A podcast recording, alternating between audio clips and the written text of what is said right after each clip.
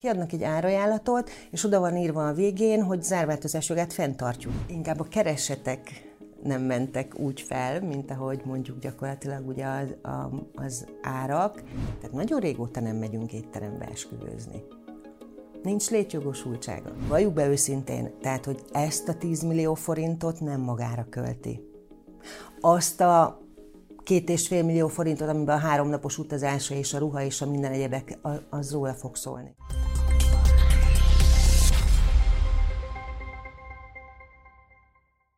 Egyes felmérések szerint akár 10 millió forintba is kerülhet ma Magyarországon egy átlagos esküvő. Hogy mi a drágulás oka és hogyan kezelik a házasulandók, erről beszélgetek Csobán Évával, aki esküvőszervezőként dolgozik már nagyon régóta.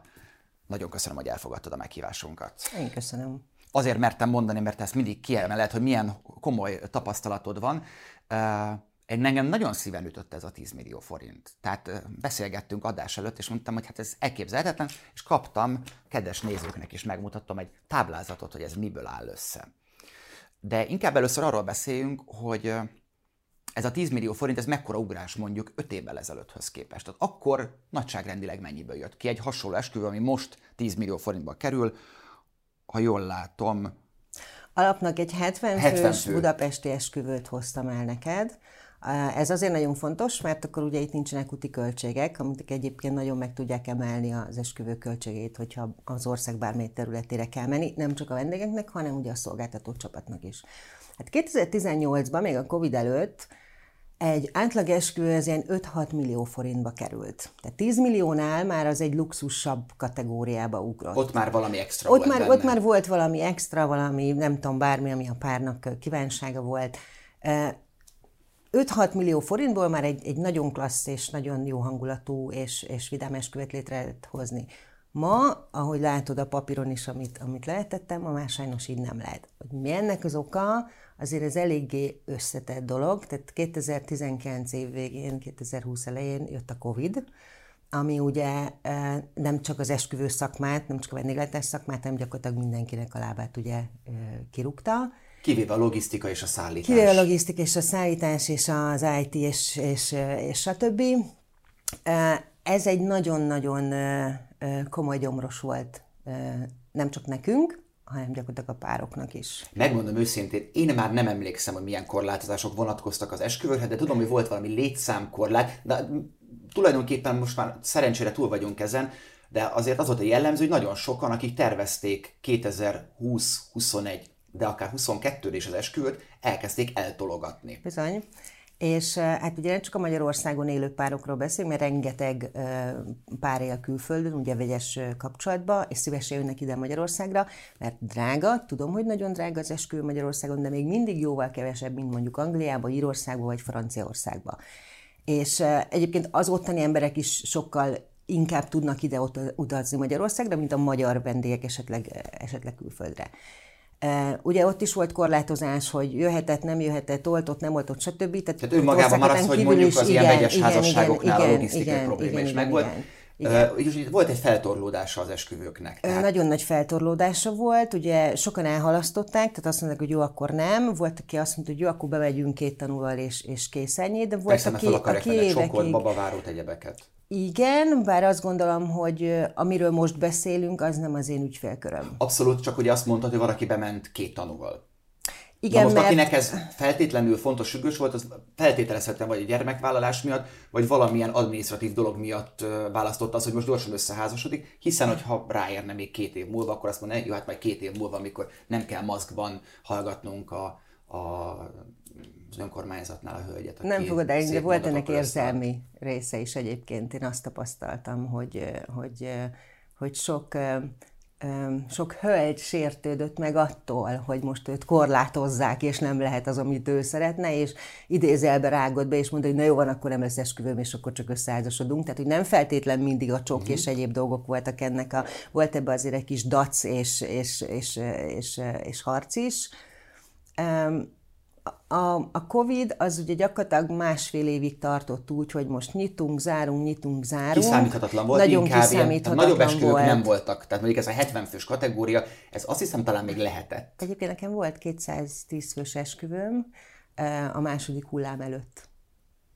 Más, másfél azt. évig szerveztük, ugye közben jött a Covid, és egyszerűen volt egy ilyen csőlátásunk, hogy, hogy már pedig az esküvő meg lesz tartva, és akkor éppen nem lesz zárás, és ez tényleg így is volt. Tehát, hogy a, a, akkor szeptember elején még nem, október végén már zárt az egész ország, azt hiszem akkor második, második hullám. Hát lehet, vagy, vagy, vagy csodálatosan nagy szerencse, és akkor ilyenkor érdemes lótószerint venni, vagy a tisztifős uh, Volt is, volt, volt is benne para kapcsolat. egyébként, tehát, hogy ugye sok tesztelés, stb., tehát, hogy azért egy picit megnehezítette az egész esküvőt, de... De akkor mit tanácsoltál egyébként egyébként a pároknak? Halasszanak, próbálják meg, tartsanak kis esküvőt?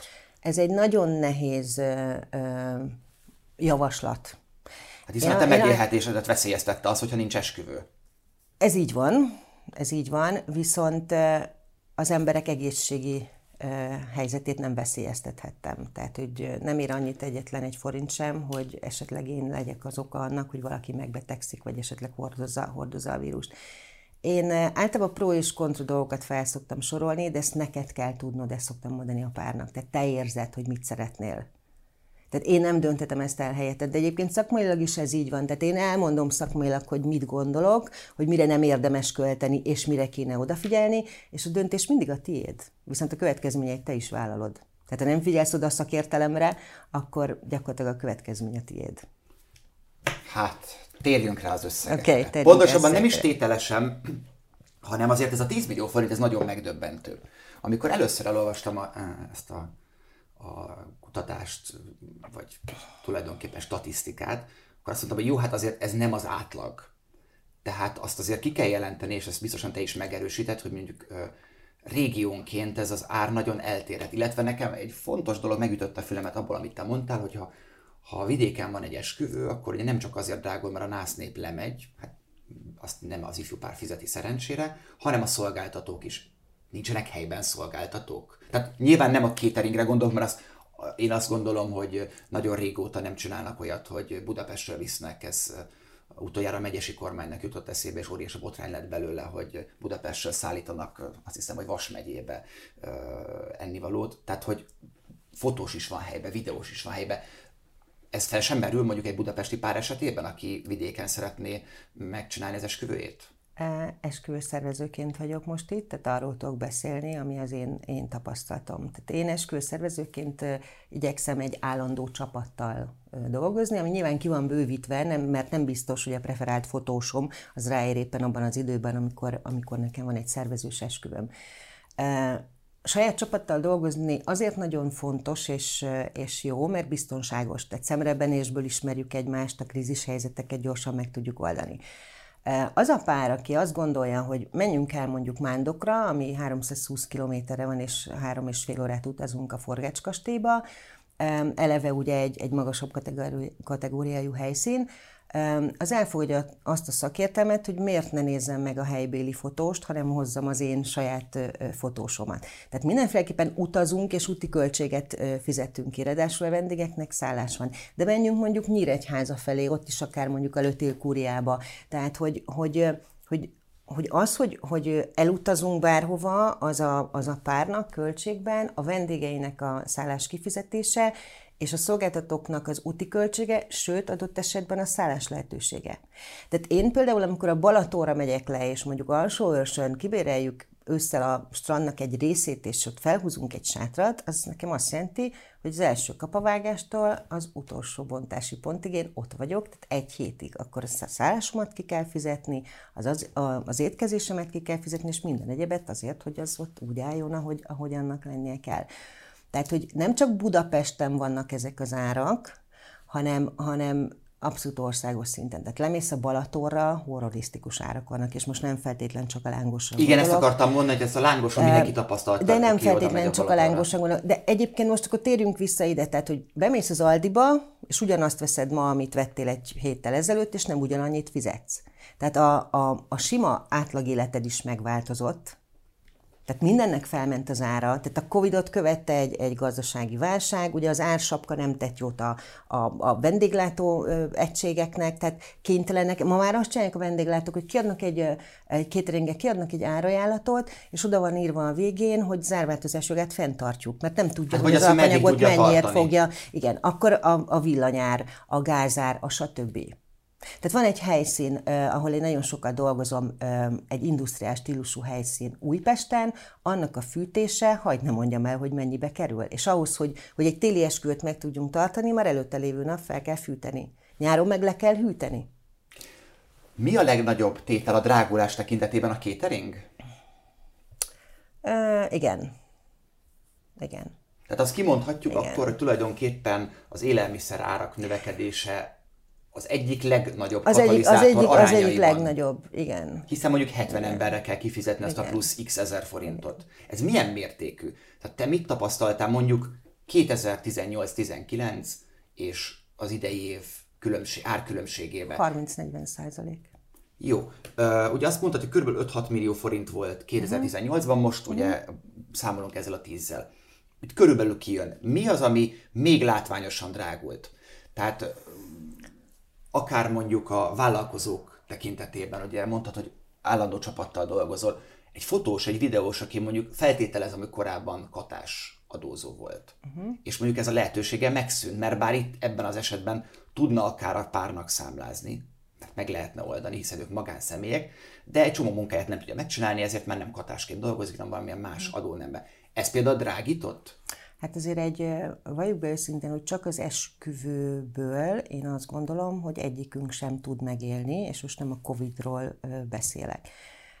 Tehát a fotósok is nem csak esküvőt fotóznak, hanem nyilván más rendezvényeket és, és, és egyéb dolgokat ahol ugye neki számlakötelesnek kell lennie. Tehát ugye felborult a katarendszer, ugye már a cégnek nem tud számlázni, tehát más változási formát igen. kellett ami választani, ami mindenféleképpen drágább.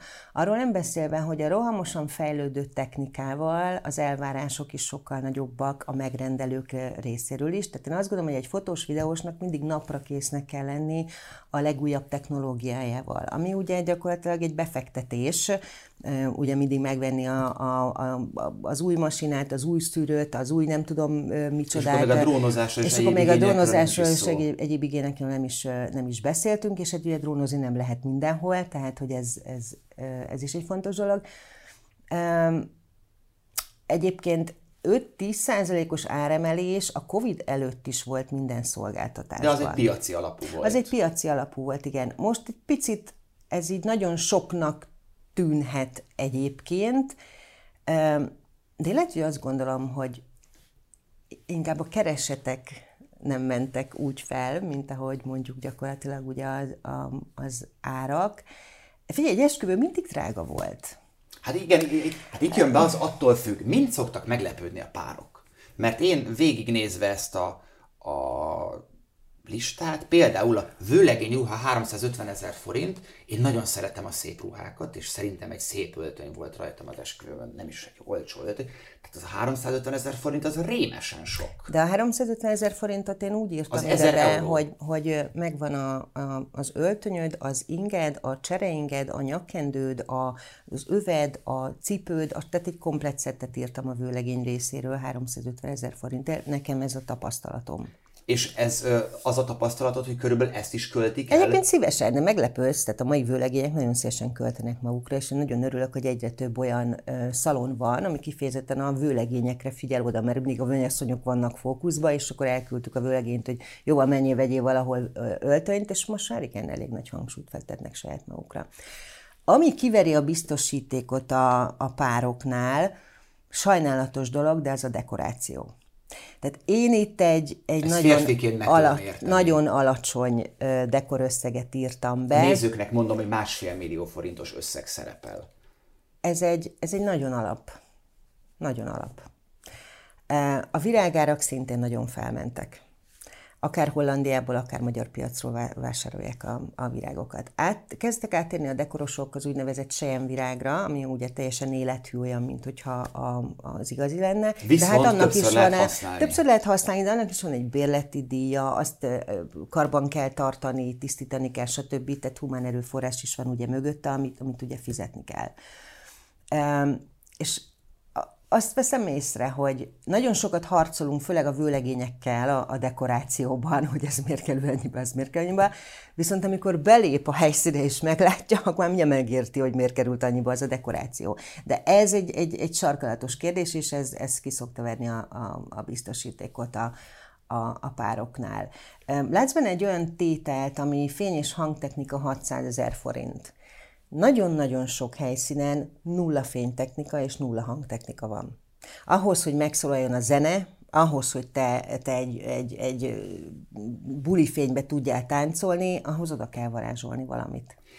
Ilyenkor ott van emellett a tétel mellett a zenekar összege. Igen. Nincs olyan tapasztalatod? Mert hogy én azt gondolnám, hogy hát a zenekarnak viszont van ilyen. És ha már oda jön, akkor azt ő hozza, és benne van a szolgáltatási díjban. Nem feltétlenül abban, amit te itt jeleztél, hanem hát én a saját technikámmal jövök, nem akarok próbálkozni. Igen, a zenekar önmagát, Vagy a DJ önmagát mondjuk. világítja meg, a DJ is önmagát, és azt a kis táncparkettet, ami, ami ugye előtte van, de egyébként még a terem hatalmas nagy, és ülnek ott mások is, és nem biztos, hogy... Hát és nem elég a dekoráció másfél milláért, még utána világítsa még be. De mondjuk, ha már másfél millió forintot elköltöttem a dekorációra, akkor Így lássák van. az emberek. Egyébként figyelj, ez egy örömköltés. Tehát az esküvő az egy örömköltés. De és nem pont ezért egy ilyen drága, pillanat. mert ezt tudják a szolgáltatók, hogy úgyis ki fogja fizetni, mert az esküvő. Nagyon csúnya dolgot fogok mondani, de a temetés is nagyon drága. Hát igen, és az egy nem szomorú is, költés. Nem is régen ö, pontosan erről beszélgettünk ugyanebben a stúdióban egy temetkezési vállalkozóval, tehát hogy én most körbejárom az élet körforgását. Én is tapasztalatból mondom, tehát hogy, hogy én azt gondolom, hogy az, az én fájdalmam, az én gyászom, és még egy baromi sok pénzt is kell beletennem, és már, már ugye van a koporsós, van a hambasztós, van a nem tudom, horror.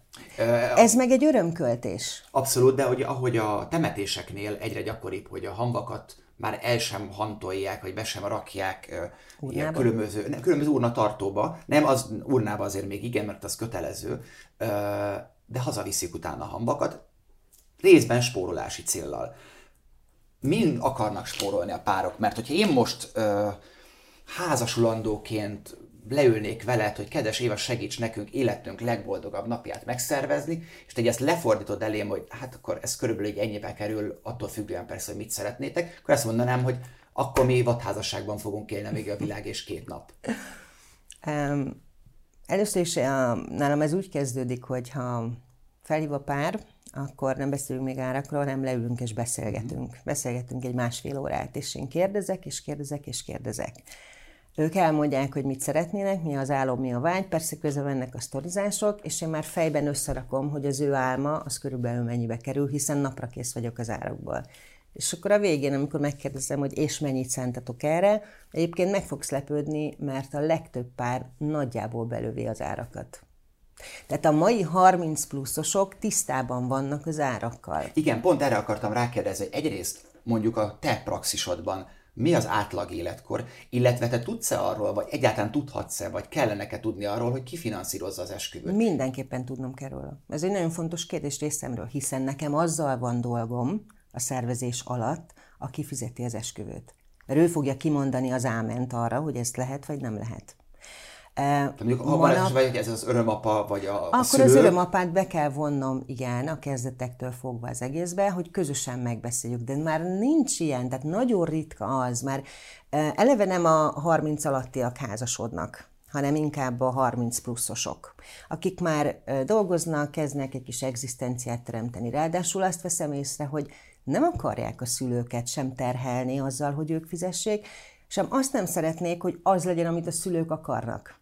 Abszolút, én ezt akartam mondani, azért az furcsa, amikor értem, hogy apuka fizeti a cehet, de ő mondja meg, hogy nem tudom, kolbásszal igen, ezt, ezt, igen, lesz, ezt, igen, ezt így el szokták utasítani a párok, és inkább azt mondják, hogy vagy spórolunk még, vagy majd megoldjuk, és persze segíthetnek a szülők. Egyébként a saját gyerekemnél is ez volt, ők fizették az esküvőt. Nyilvánvalóan én segítettem, de, de nem én fizettem, és nem mondtam meg, hogy mi legyen. És ez egy nagyon-nagyon fontos dolog, és most már több generáció is felnőtt úgy, hogy nem a szülőkre hagyatkoznak. 30 év alatt még lehet, de az egy másik történet. Nem provokálni akarok ezekkel a kérdésekkel, csak nekem annyira furcsa ez, hogy amikor arról hallunk évek óta, hogy egy foglalónyi, egy önerőnyi pénzt nem tudnak összespórolni a fiatalok, hogy iszonyatosan drága az albérlet, az ingatlanárak az egekbe, soha nem fognak tudni a mai fiatalok önálló ingatlanba költözni, csak majd ha örökölnek, akkor miből spórolnak össze 10 millió forint? 10 millió forint rengeteg. Hát ezt én nem tudhatom. Azt lehet tudni esetleg, vagy azt el szokták neked mondani, hány éves spórolnak erre? Nem. Ezt nem is szoktam megkérdezni. Nem jönnek oda, oda úgy hozzám a párok, hogy nincs egy forintjuk se. Hát ez nyilvánvaló. Tehát valam, valamennyi pénzük van. E, hogyha nem egyezik az álom a a, a valósággal, és mégis szeretnék az esküvőt, akkor át tudjuk variálni ezt az egészet. Tehát, hogy azért én rengeteg ötletet tudok adni, hogy én tudom, hogy nagyjából mennyiből ö, lehet kihozni azt az esküvőt. Nem kell mindig egyébként nagy faxnit csinálni egy, ö, egy esküvővel. Én például nagyon szeretem a kis létszámú esküvőket, a 20-30 fős esküvőket. Nem feltétlen lesz sokkal olcsóbb egyébként, Viszont nem... Hiszen a, a mennyasszonyi ruha nem lesz attól A mennyasszonyi ruha nem lesz olcsóbb, az étkezés olcsóbb lesz, viszont ez is nagyon érdekes, hogy nagyon sok helyszín nem fogad például 50 fő alatti esküvőt, mert ugye az üzletpolitikája nem engedi meg, mert minél kevesebb a, a, a, az ételfogyasztás, neki minél inkább kizárólagossá kell tenni a helyszín, neki annál inkább nem éri meg. Ugye nem megyünk már étterembe, tehát nagyon régóta nem megyünk étterembe esküvőzni. Nincs létjogosultsága. Egyrészt csendrendelet van, ha most mondjuk Budapestről beszélek, vagy akár a Balaton, vagy, vagy, vagy bármilyen népszerű uh, helyről. Uh, 10-11 óra után be kell menned, nem mehetsz ki, nem nyithatod ki az ajtót. Tehát mind, mind, mind, hát vagy jönnek a rendőrök fél Vagy jönnek a rendőrök fél óránként, igen, akkor egy étterem mondjuk nyitva van 11-ig, utána hosszabbítást kell csinálnod. Tehát visszatérve az áremelésre, a helyszín, a vendéglátás, a rezsiköltségek, ez mind-mind-mind emeli. A... Mivel lehet racionalizálni, hogyha egy pár azt mondja, hogy értem, hogy ez az átlag, vagy az, az én álmom az mondjuk 7-8-9 millió forintba kerül, de nekem nincs ennyi. Miről tudnak a párok a legkönnyebben lemondani, és te milyen tanácsokat szoktál adni? Tehát kvázi mondj nekem egy pár praktikát, trükköt, hogy mivel lehet olcsósítani egy esküvőt, és ezáltal nem a színvonalát csökkenteni. Hát figyelj, az én agyam az mindig jár, hogy mivel tudnék megújulni, és milyen új dolgok, újdonságokat tudnék behozni. Egyébként nagyon sok újdonság fűződik az én nevemhez, ami vagy sikeres volt, vagy nem volt sikeres, vagy elhalt. Nekem a most legújabb trendem az az, hogy kiviszem a párokat a spanyol tengerpartra, kettesével, mármint, hogy ketten jönnek ki, jön velem egy lelkész, meg egy fotós, és a, a homokba, a tengerparton, vagy a szikla, szikla tetején kimondják a boldogító. Igen, csinálunk egy fotósorozatot, ott vannak még két napig, és hazajönnek. És övék volt a, a, az esküvő pillanata. És, minden, és mindenkinek elküldhetik e-mailben nagyon szép fotókat, és... És valóban róluk szól. Mert hogy valljuk be őszintén, tehát, hogy ezt a 10 millió forintot nem magára költi. Azt a két és fél millió forintot, amiben a háromnapos utazása és a ruha és a minden egyebek, az róla fog szólni vagy róluk fog szólni. Ez nem róluk szól, ez a párokról szól. Ez mennyire népszerű megoldás? Amit most mennyire mondtam? tetszik a pároknak ez az öt? Hát, vagy nem az, hogy mennyire tetszik, mert nekem is nagyon tetszik, de biztosan nem tartottam volna ilyen esküvőt. Mennyire valósul meg? Nagyon nagy az érdeklődés. Idén volt két ilyen párom, áprilisban, akivel kint voltunk. Most van egy nagy kampányom ezzel kapcsolatban. Nagyon sokan jelentkezek, nagyon sokan érdeklődnek Picit többet kell elmagyaráznom, hogy miért, mi ennek a fontossága és a jelentősége. A vőlegények nagyon kaphatóak erre, hiszen a pénztárcájukat hát Egy meg le van a gond, nem kell le, le van a, le van, nem látott pont, Pontosan, pontosan. Egyébként ennek van egy továbbfejlesztett része, mert azt is tudom mondani, hogy menjünk ki, csináljuk meg az esketést, csináljunk jó fotókat, jöjjünk haza, valamikor béreljünk ki egy klubot, és hívd össze a barátaidat, meg a csátokat, vetítsük le a filmet, és legyen torta, és legyen buli, és még mindig nem leszel 10 millió forintnál. És nem kell őket mondjuk potenciálisan évféli menüztetni, meg egyebek, így hanem van, így van. van egy jó buli. Így van. Úgyhogy én most ezt látom egy, egy, egy érdekes dolognak, és mivel én hiszek benne, hinni fognak a, a többiek is, mert mint a, a, a leendő párok ebben, én ezt egy nagyon jó dolognak tartom.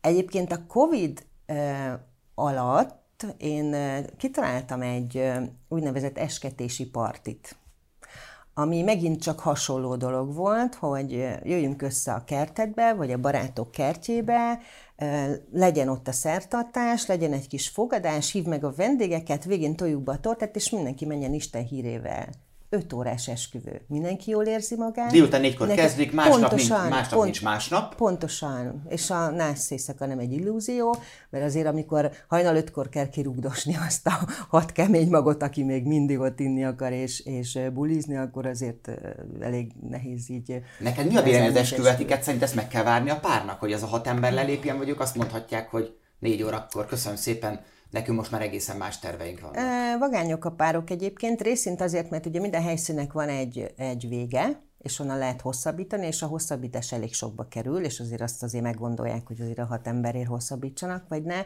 Egyébként meg lezárják, tehát azt mondják, hogy jó, itt a vége, és akkor mehet tovább valaki afterhozni, vagy, vagy amit akar. A párral van vége az esküvőnek.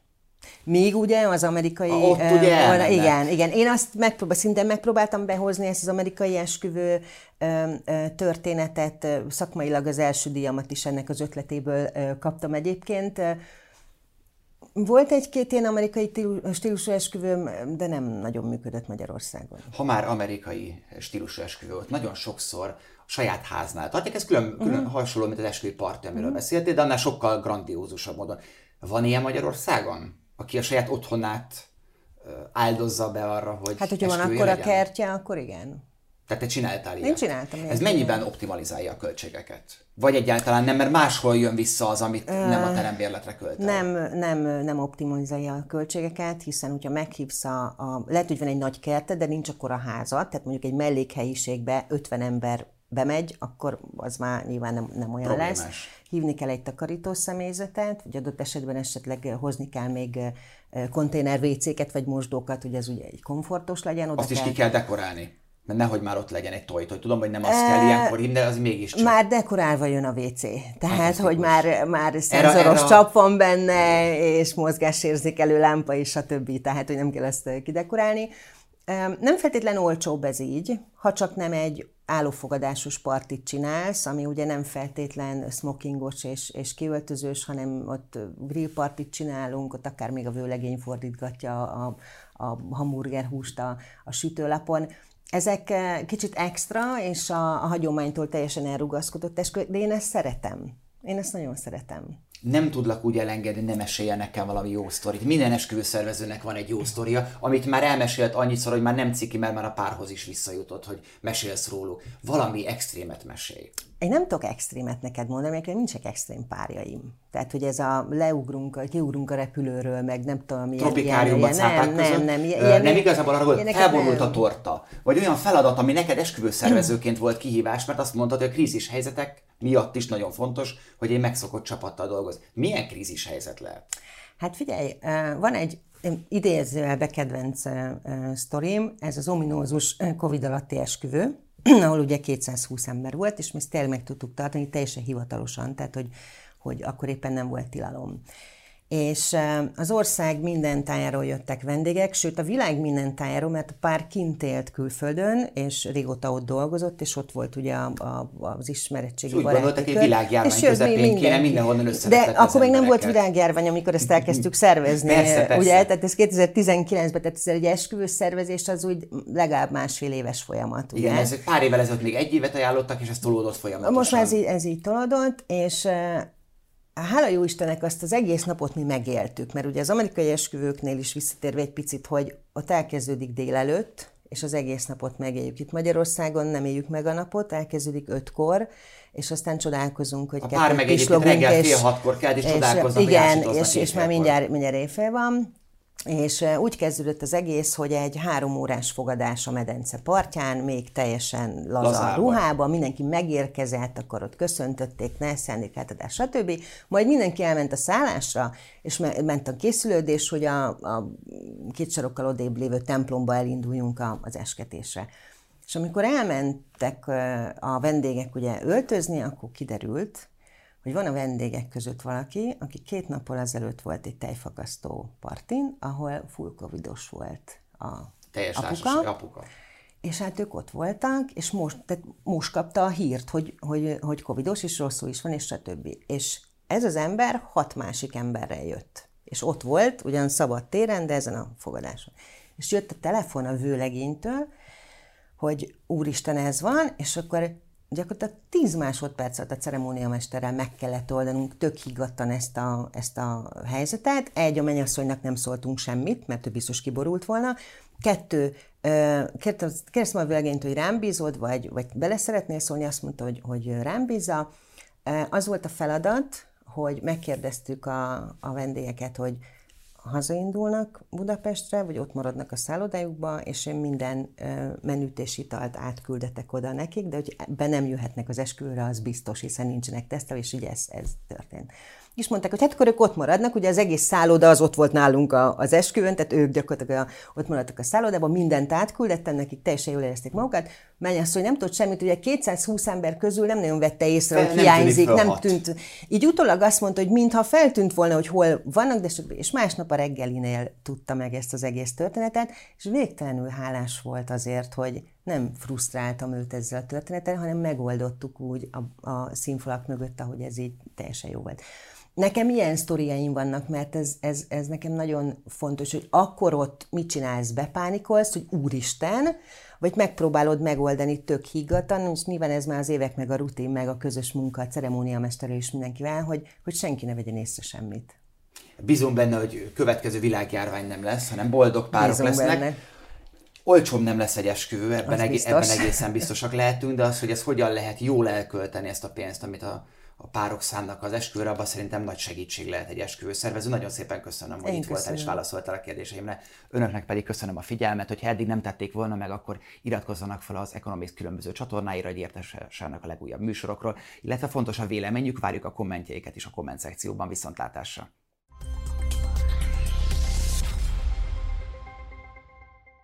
A műsor a Béton partnere.